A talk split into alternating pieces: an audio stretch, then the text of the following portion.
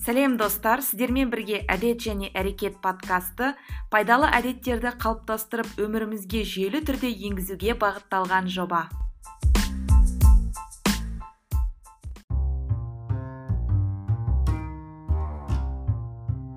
Сәлем әлем. Сіздермен бірге әдет және әрекет подкасты. Менің есімім жанар және біз бүгінгі тоғызыншы эпизодты бастаймыз. Бүгінгі эпизодтың тақырыбы кітап оқу әдетін қалыптастыру. Кітап оқу менің ең сүйікті істерімнің бірі ең жақсы көретін хоббиім деп айта аламын. Кітапқа қатысты менің өмірімде түрлі кезеңдер болған. Бір уақытта кітапты өте қатты оқып кеткен кездерім болды. Одан кейін кітап оқуды тастап кеткен кездерім болды. Және қазір құдайға шүкір әр күнімде бір бет болсын кітап оқуға уақыт табамын. Соған уақыт бөлемін. Бұның пайдасы болмаса зияны болды деп ешқашан айтпаймын. Ең сенімді білім көзі деп айта аламыз. Кітаптың да түр түрі бар. Ең біздің сондай сенімді адал достарымыз деп айтсақ болады. Кітап кейіпкерлерімен бірге басқа бір әлемге енгендей боласың. Кейбір өмірде саған достарың ата анаң туысқандарың айтпайтын нәрселер мысалы кейбір сұрақтарға жауап таба алмай жүрсең осы кітаптан табуға болады және автор белгілі бір уақытқа дейін сенің досыңа да айналады. Ең бізге алғашқы берілген бұйрық оқы дегендіктен біз өмір бойы оқу керек сияқтымыз және оқу керек бізде ол бізге бір қиындық туғызбауы керек. Бізде өмір сүргеннен кейін өміріміздің соңына дейін бізде оқуға бір нәрсені білуге сұрақтарымызға жауап табуға деген қажеттілік бар. Сондықтан кітап оқуды егер әлі бастамай жүрсеңіз немесе сізге ұнамаса аз аздан кішкентай кішкентай қадамдармен өзіңізге мүмкін сізге ұнайтын кітап әлі сізге кездеспеген шығар. Мүмкін сізге ұнайтын жанрды әлі кездестірмеген шығарсыз. Сондықтан кез келген вариантты қарап көріңіз. Негізінен аудио кітап тыңдайсыз ба әлде кітаптың кейбір кітаптардың қысқаша мазмұны бар мүмкін мазмұнына қарап көресіз немесе ютубтан түрлі кітаптардың рецензиялары бар. Сол рецензияларды қарап мүмкін өзіңіздің сүйікті кітабыңызды тауып бұл сіздің сүйікті ісіңізге ә, айналсын деген тілектемін. Негізінен алғанда кітап оқу әдеті кішкентай кезімізден бастап қалыптасады деген ойдамын. Бұған ең алдымен біздің ата анамыз әсер етеді. Өйткені егер де бізге кішкентай кезімізден түрлі суреттері бар кітаптар алып берсе бізге ертегі оқыса біз ә, белгілі бір кітаппен арамызда байланыс болады және кітап оқуға деген құмарлығымыз артады. Менің өзім кішкентай кезімде солай болды. Негізінен әке шешем кітаптар алып беретін және бір жағынан анам мұғалім болғандықтан біздің үйімізде міндетті түрде бір кітаптар болатын және менің есімде қатты қалған кітап ол қазақ ертегілері деген үлкен кітап. Ішінде өте көп ертегі болатын басында маған ата анам оны өздері оқып беретін. Содан кейін менің өзімнің оқуға деген жағдайым келген кезде өзім оқи алатын дәрежеге жеткен кезде өзім оқып ол кітаптағы суреттерді салып үйде бір альбом да бар сол бүкіл ә, ертегілердің кейіпкерлерін салып шыққан болатынмын сол кітаптан. Бұл ертегілерді оқып алып оны ата анама да мазмұнын айтып беретінмін. Яғни қайтадан сол кітап не оқығанымды айтып беретінмін. Және ол ертегілер әлі күнге дейін менің есімде бар. Бір жағынан ата анамның да мазасын алған шығармын сол кезде айтып берейінші деп. Кейіннен ә, менің кітапқа деген қызығушылығым мектепке барған кезде жалғасты. Өйткені біздің кітапханамыз ауылдағы кітапхана болса да ішінде өте көп кітаптар болатын және сондай кітапханашымыз да өте керемет жан болатын. Түрлі кітаптарды оқи бастадым. Түрлі ең басында балалар әдебиетінен басталды. Бір үшінші сыныптан бастап өте белсенді оқыған шығармын кітаптың түр түрін. Әсіресе классиктардың шығармаларын. Одан кейін орта сыныпқа өткен кезде мен қазақ халқының түрлі классиктерінің негізінен қазақ және орыс халқының түрлі классик шығармаларын оқи бастадым. Ә, осы кезде бір сегізінші тоғызыншы сыныпқа дейін тоғыз емес сегізінші сыныпқа дейін өте көп шығарма оқыдым деп айта аламын. Бұл негізінен біздің алашордада болған түрлі жазушылардың ақындардың кітаптары соның ішінде мағжан жұмабаев мұхтар әуезов жүсіпбек аймауытов сияқты авторлардың кітаптарын романдарын оқыдым. Соның ішінде тарихи романдарды оқыдым. Көшпенділер алтын орда үркер сияқты романдарды оқыған едім. Маған ауыр болса да ол жердегі сюжет өте қатты қызықтырады. Меніңше кітап біз үшін өте сенімді білім көзі. Өйткені ол жерде тек қана автор емес ол жерде белгілі бір топтық жұмыс бар. Ол кітап бірнеше тексеруден өтеді. Ол жерде рецензенттердің редакторлардың жұмысы бар. Сондықтан кітапқа біршама сенімді ретінде қарай аламыз. Қазіргі интернет сайттарынан түрлі әлеуметтік желілердегі ақпаратқа қарағанда менше кітаптағы ақпарат сенімдірек және өзің қалаған нәрсенің жауабын ала аласың. Ең сүйікті деген кітап оқуға тіптен құлшынысымды арттырған. Ол преступление и наказание романы. Маған өте қатты ұнады. Осыны сегізінші сыныпта оқыдым. Және кітапқа деген қызығушылығым артты деп айта аламын. Кейіннен менде тоғызыншы сыныптан бастап университеттің екінші үшінші курсына дейін үзіліс болды. Бұл уақытта ешқандай кітап оқыған жоқпын деп айта аламын. Тек университетте оқыған шығармын. Енді сабаққа қатысты кітаптарды басқа басқадай көркем әдебиет басқа ешқандай кітап оқыған жоқ. Содан кейін екінші курстан бастап мені алаңдататын сұрақтар пайда болды. Негізінен бір сұрақтың жауабын іздеу мақсатында кітап оқитын университет бітіргеннен кейін менде кітап оқуға онша уақыт болмайтын. Өйткені университет бітіргеннен кейінгі бір екі жылда мен көбіне жұмысқа берілдім. Кітапты аз оқитын болдым. Маған осы уақыт аралығында мен үшінші курс оқып жүрген кезде ең алғашқы жалақыма amazon kindle тапсырыс берген болатынмын. Amazon kindle деген бұл кітап оқитын электронды құрал яғни ол оның экраны қағаз тектес ол сіздің көзіңізді ауыртпайды. Ешқандай көзіңізге зияны жоқ қанша оқысаңыз да оқи берсеңіз болады және оның қуаты бір айға дейін жетеді және ішінде екі гигабайт екі гигабайтқа дейін кітаптар сыяды оның бір минусы ол ә, pdf word форматындағы кітаптарды дұрыс көрсетпейді. Тек қана өзінің форматы бар. Сіз оны kindle дүкенінен wi-fi арқылы жаңағы amazon kindle дүкенінен кітаптар тапсырыс берсеңіз болады немесе өзіңіз компьютердан кітаптарды жазып алсаңыз болады. Осы кезде менде кітап оқу продуктивті болды деп айта аламын. Кейіннен аудио кітаптарға ауыстым. Негізінен көп көркем шығармаларды аудио нұсқасында тыңдадым. Соның ішінде шантарам және халет хасейнидің үш негізгі кітабы бар тысяча сияющих солнц и эхо летит по горам және үшіншісі бегущий за ветром. Осы үш кітапты де аудио нұсқасында тыңдадым. Аудио нұсқа өте ыңғайлы өйткені менде жұмысқа дейінгі баратын жол өте ұзақ болғандықтан жұмысқа барып қайтқан уақытында аудио кітаптарды тыңдайтынмын. Ә, және егер де аудионы айтып тұрған адамның дауысы жақсы болса жағымды болса онда сіз тезірек тыңдап ә, негізінен көп ақпаратты ала аласыз.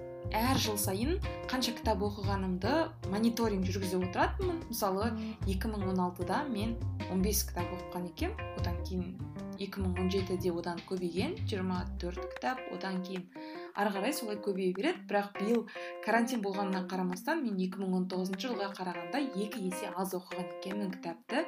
Негізінен алғанда кітап оқуда жүйелілік маңызды және ә, сізде бір мен жылына елу екі кітап оқимын деген бір мақсат болмау керек деп ойлаймын. Барлығы да шамаңызға қарай бірден өзіңізге ондай үлкен талаптар қоймаңыз.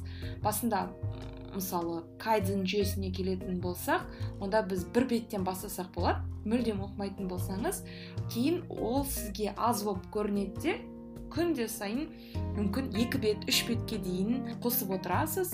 Басты мақсат тізбекті бұзбау яғни бүгін бір бір бет оқып келесі күні оқымай қою емес сол бір бетті оқуға ұйқыға жатқанға дейін уақыт табу. Кітап оқуда негізінен әртүрлі принциптер бар. Мысалы кейбір адамдар бір уақытта тек бір кітап оқиды. Кейбір адамдар бірнеше кітапты араластырып оқиды. Мысалы бір дегенде қатарынан төрт кітап оқуы мүмкін.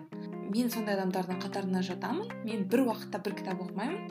Әртүрлі саладан мысалы мамандығыма қатысты бір кітап көркем әдебиеттен бір кітап жеке дамуға қатысты бір кітап және тағы бір басқа бір кітап болуы мүмкін. Ол денсаулығыма қатысты және басқа бір ғылыми сондай бір кітап болуы мүмкін. Мен бұл кітаптарды өзінің уақыты бар. Мысалы көркем әдебиетті мен тек ұйықтарда оқимын. Ұйқыға жатар кезде уақытым болса көркем әдебиетті оқуға тырысамын өйткені кешкі уақытта миыңызды түрлі ғылыми зерттеулермен мамандығыңызға қатысты кітаптармен миыңызға салмақ түсірудің қажеті жоқ деп ойлаймын. Сондықтан сондай миыңызға бір жағымды әсер ететін ешқандай салмақ салмайтын бір көркем әдебиет қызықты кітап болса онда керемет әсер береді. Кітаптың өзінің белгілі бір мысалы сіз таңертең тұрдыңыз ол кітапты оқу үшін сізде белгілі бір триггер болу керек.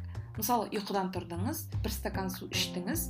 Сол стакан суды ішу барысында сіз кітабыңызды алып кітапты оқып бастасаңыз болады. Немесе ас үйге кірдіңіз шай қою үшін шәугімге шай толтырдыңыз су толтырдыңыз және оны ә, газға қойдыңыз. Осы уақытта бірден сізде қол астыңызда кітап болу керек және оны оқып кететіндей жағдай болу керек. Сондықтан осындай бір триггерларды яғни м үйренісіп қалған бір әдетке әрекетке осы кітап оқуды тіркеп қойсақ болады.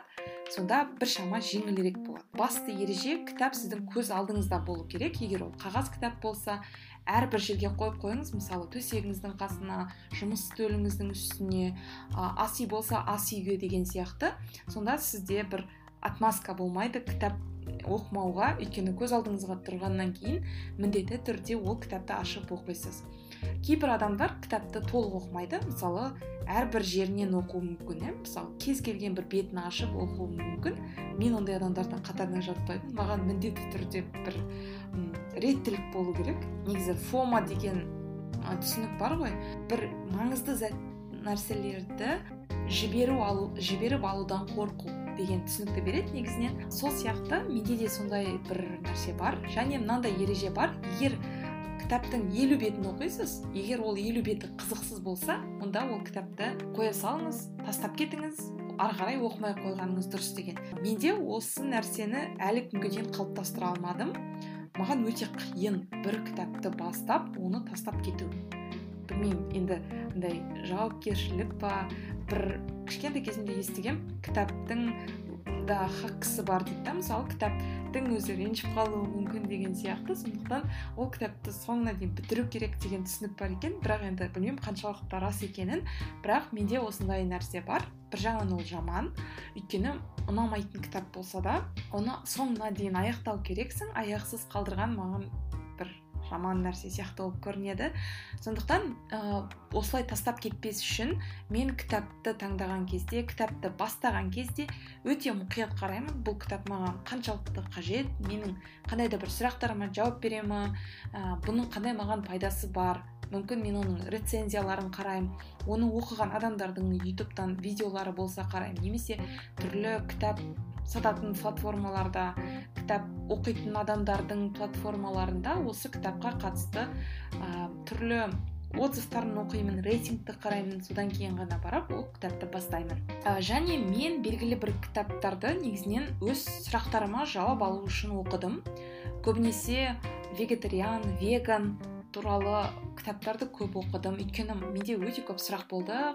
Сол сұрақтарыма жауап алу керек болды. Ә, жүгірумен жүйелі айналысқан кезде марафонға дайындалған кезде мен жүгіруге қатысты өте кітап оқыдым деп айта аламын. Сосын мамандығыма қатысты менше әр кәсіби маман болғысы келетін адам өзінің мамандығына қатысты бір 10 кітапты оқу керек деп ойлаймын. Және бұл өте маңызды роль атқарады. Сондықтан осыған да уақыт бөлу керек. Ә, және менде кітап оқыған кезде белгілі бір принциптер болады. Мысалы менде былтыр мынандай принцип болды. Мен кітаптарды мынандай топтамамен бөлдім. Бірінші топтамада қазақ тілінде қазақ әдебиетінен 12 кітап яғни ә, бір айда қазақша бір кітап оқимын деген ереже болды. Одан кейін келесі 12 кітап ол ағылшын тілінде болды. Яғни мен әр айда ағылшын тілінде бір кітап оқу керекпін. А, одан кейін 5 кітап ол мамандыққа қатысты болды. Жеке дамуға қатысты. Одан кейін ғылыми зерттеуге негізделген кітап болсын ол денсаулығымызға қатысты тағы да басқа. Ол жақта ә, сегіз кітап болды. Көркем әдебиетке қатысты кітап. Ол жерде де бір алты кітап ма сондай болды. Негізінен бұл жоспар орындалмады. Өйткені мен өте көп үлкен меже алып қойған сияқтымын. Мысалы ағылшын тілінде кітап оқу деген менде ол жақта екі ақ кітап оқылды негізінен алғанда. Мен басында 12 кітап қойғанмын. Қазақ тілінде деген кітаптардың ішінде менде үш ақ кітап оқылды. Өте жоспар орындалған жоқ. Мүмкін қажеттілік те болмаған шығар білмедім. Бірақ ә, осындай жағдай. Сондықтан өзіңіздің күшіңізді алдын ала есептеп алыңыз. Енді орындалмаса да одан ештеңке болмайды. Бірақ м жоспарды құрған кезде де күшіңізді есептеп құрыңыз. Кітаппен жұмыс істеу бар яғни кітаппен жұмыс істегенде міндетті түрде көркем әдебиетті мен аудио түрінде тыңдай аламын. Егер де м бір көркем әдебиетті оқып келе жатсам егер оның аудио нұсқасы болса мен оны өзіме көшіріп аламын сосын сол қай жерге келдім сол жерден бастап ары қарай аудиомен жалғастырып кетуім мүмкін. Кейбір кітаптар солай болды. Қабілетке қатысты басқа бір маған психологиялық немесе басқадай бір кітап болса мен оны міндетті түрде өзіме қажетті жерлерін түртіп аламын. Мысалы бір қажетті ойлар болса маған өмірде қолдануға керек заттар болса тағы да басқа бір кеңестер болса мен міндетті түрде оны өзімнің блокнотыма мысалы жазып аламын. Ә, және егер де ол қағаз кітап болса міндетті түрде стикер маркер болады. Ә, бірақ соңғы кезде мен қағаз кітапты өте аз оқып жүрмін. Телефоннан кітап оқымаймын компьютерден кітап оқымаймын мен тек қана киндлдан кітап оқимын. Және бұл өте ыңғайлы өйткені ішіне өте көп толтырып кітап салып аласың одан кейін ә, болды. Ары қарай оқып жүре бересің. Сондықтан бұл өте ыңғайлы. Кітаппен жұмыс істегенде ең алдымен марғұлан сейсенбайдың лекциясы бар. Осы кітап оқуға қатысты ютубта. Ол жерде ол кітапты кәдімгідей ә, белок май көмірсу деген сияқты кітаптың өзін солай бөледі. Мысалы белок нағыз керек нәрсесін алады өзіне сол жерден.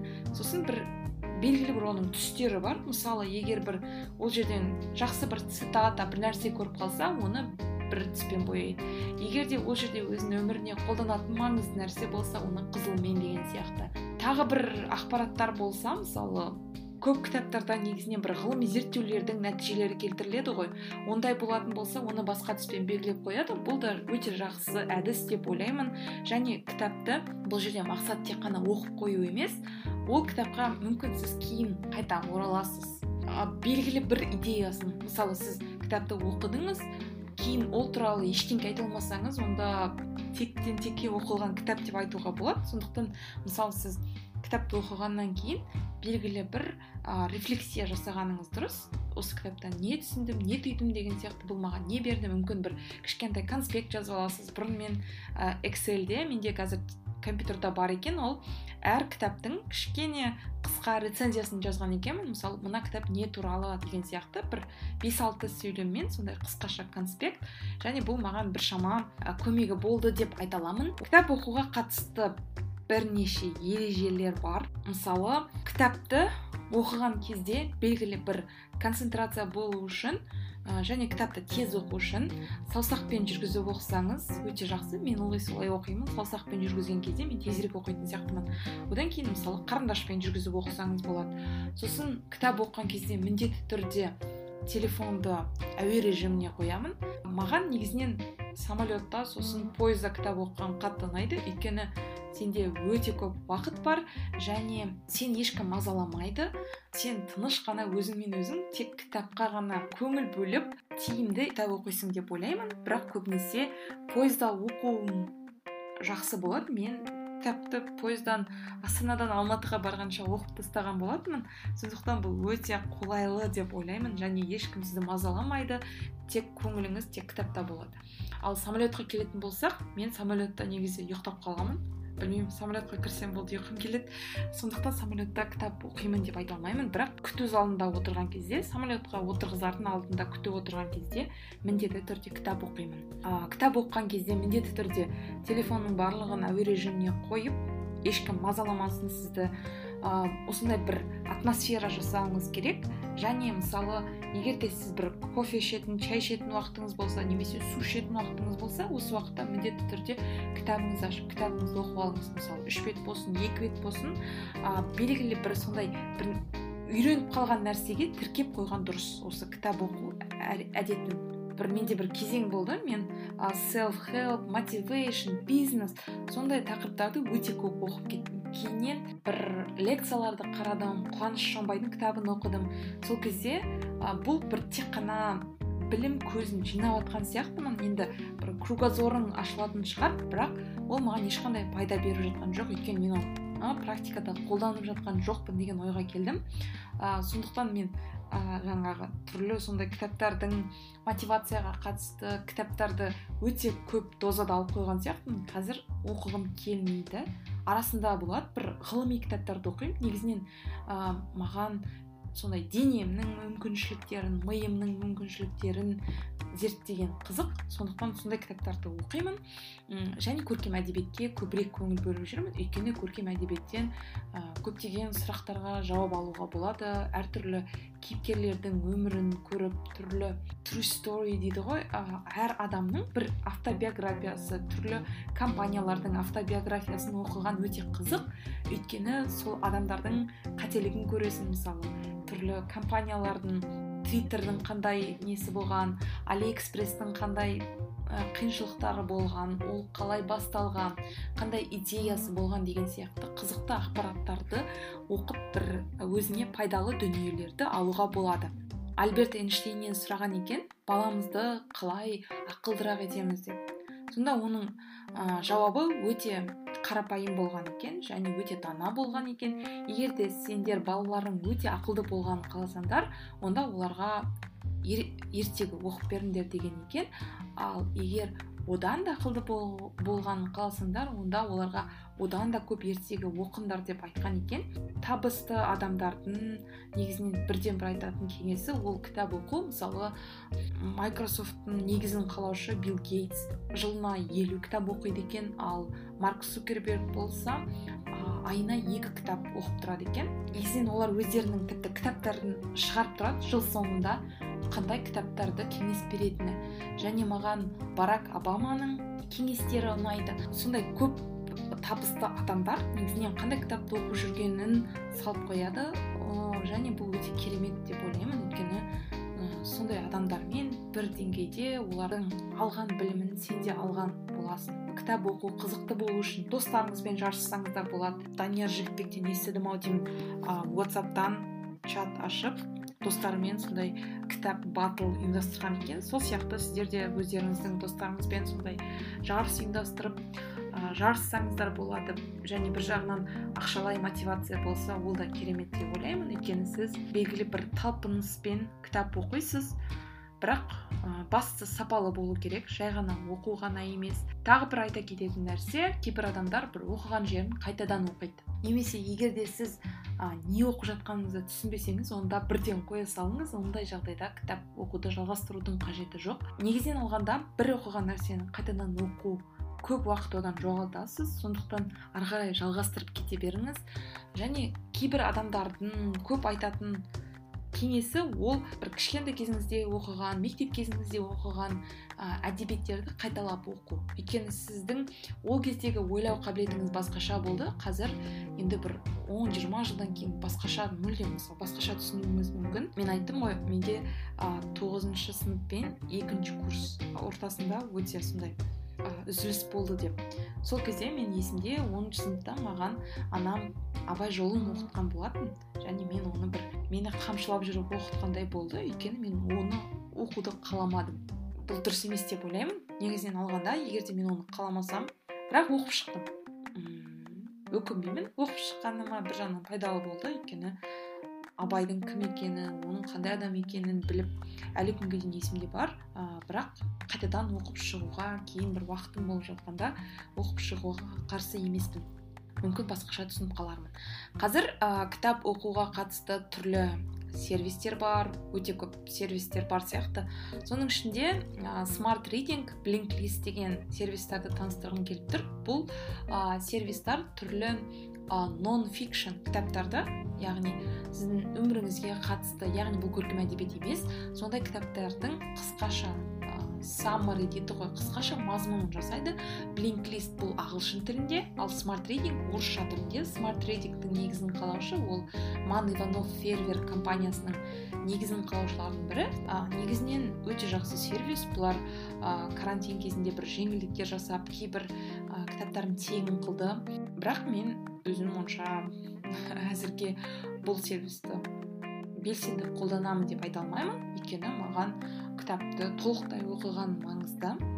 Және бұл саммариді жасаған адамның мүмкін түсінігі басқаша болуы мүмкін. Ол өзінің бір саммарин жасауы мүмкін басқа бір адам басқаша саммари жасауы мүмкін. Әр адамның өзіне. А егер де сізге қазақша кітаптар керек болса мысалы кітапханаға баруға мүмкіндігіңіз болмаса онда телеграмда қазақша кітаптар деген канал бар. Сол жақтан кітаптарды тегін жүктеп алсаңыз болады. Неше түрлі goodreads bookmate деген сервистер бар. Goodreads сервисі өте күшті. Өйткені ол жерде сіз ә, бір жылға белгілі бір мақсат қоясыз мысалы осы жылы осынша кітап оқимын деген. Сосын сол мақсатыңызға біртіндеп жетіп отырасыз. Бұл бір ә, кітап оқитын адамдардың комьюнити деп айтсақ болады. Ол жерде өте көп әлемнің түкпір түкпірінен кітапты сондай көп оқитын адамдар жиналған. Көп адамдардың негізі кітаптарын көруге болады қандай кітап оқып жүр екен бұл адамдар деген сияқты. Және түрлі ә, отзыв рецензия оқуға болады. Сондықтан осы сервисті қарап көруге кеңес беремін. Түрлі кітап клубтарына қосылсаңыздар болады.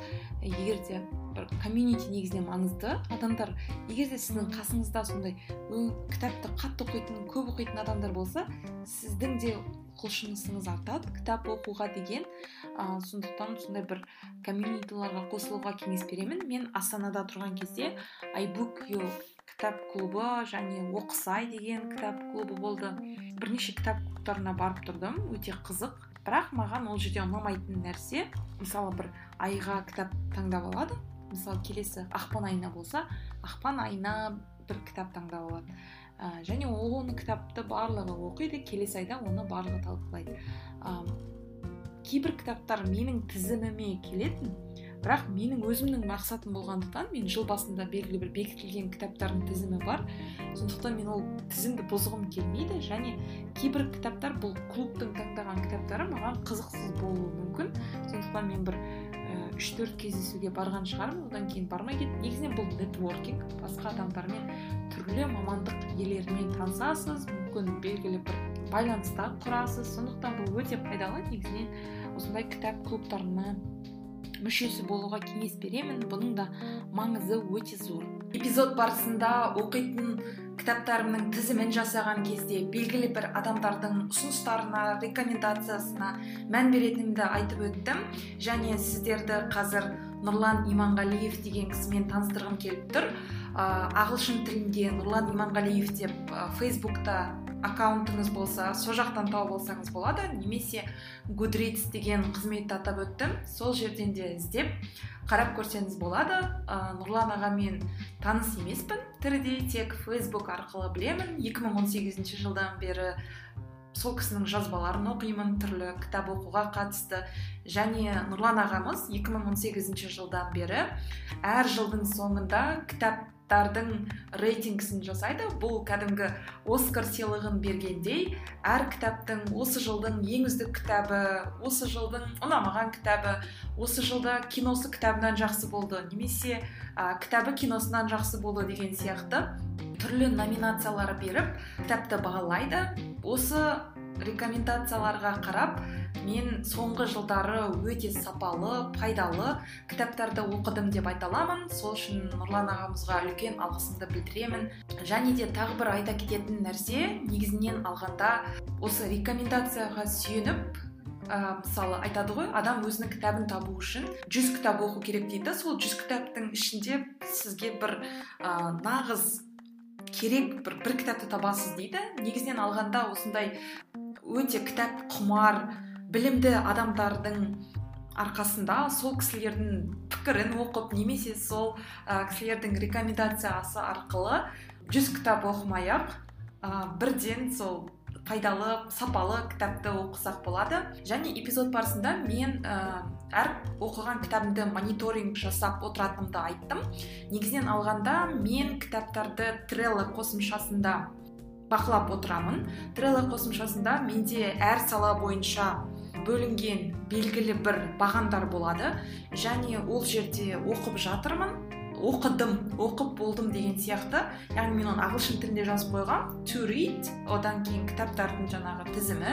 Содан кейін reading және read дейді ғой яғни оқып тастадым деген сияқты. Сондай бағандарға бөліп қойғанмын бұл өте ыңғайлы. Сондықтан сіздерге де кеңес беремін.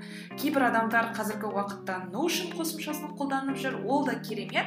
Мен әзірге ол қосымшада бигинер дәрежесіндемін. Көбінесе әм, соңғы үш жылда трелло қосымшасын қолданып жүрмін. Сондықтан екі вариантты да қарастырып көріңіз. Бұл негізінен алғанда белгілі бір жүйелікке белгілі бір тәртіпке үйретеді сондықтан кеңес беремін. Сонымен бүгінгі эпизодымызды қорытындылай келе сіздерге айтатыным кітап оқу ә, ондай бір жалықтыратын іс емес негізінен өте пайдалы. Бір жағынан рахаттанасыз бір жағынан бұл демалыс көзі. Және біз тиімді жұмыс істеу үшін негізінен алғанда белгілі бір белсенділік түрлерін ауыстыру тұру керекпіз. Мысалы егер ми жұмысымен жұмыс істесек өзіміздің күнделікті жұмысымызды істейтін болсақ біраз уақыт тынығып алыңыз. Мысалы су ішіп ә, бір жаттығу жасап немесе кітап оқу арқылы сондай белсенділік түрін ауыстыру арқылы сіз жалықпайсыз шаршамайсыз және белгілі бір тонуста боласыз деп ойлаймын. Және ә, кез келген кезекте тұрғанда болсын бір жерге барғанда мысалы көбінесе немесе цон барсақ банкке барсақ кезекте тұрамыз. Сондықтан сондай уақыттарды тиімді пайдаланып ә, кітабыңызды ашып жіберіп телефоннан болсын бір ә, инстаграмның жаңағы лентасын ә, қарағанның орнына бір кітап оқып пайдалы ақпарат алып жүріңіздер. Баршаңызға рахмет. Бүгінгі эпизодты соңына дейін тыңдағандарыңызға тағы да айтатыным егер де эпизод ұнап жатса осы эпизодты қай платформадан тыңдап отырмысыз сол жерге өзіңіздің пікіріңізді қалдырып кетсеңіз қуанып қалатын едім. Баршаңызға сәттілік кітап оқу әдетін жүйелі түрде енгізіп бұл сіздің бір өміріңіздің бөлшегіне айналуына тілектеспін. Алдағы эпизодтарда кездескенше күн жақсы аман есен болыңыздар. Thank you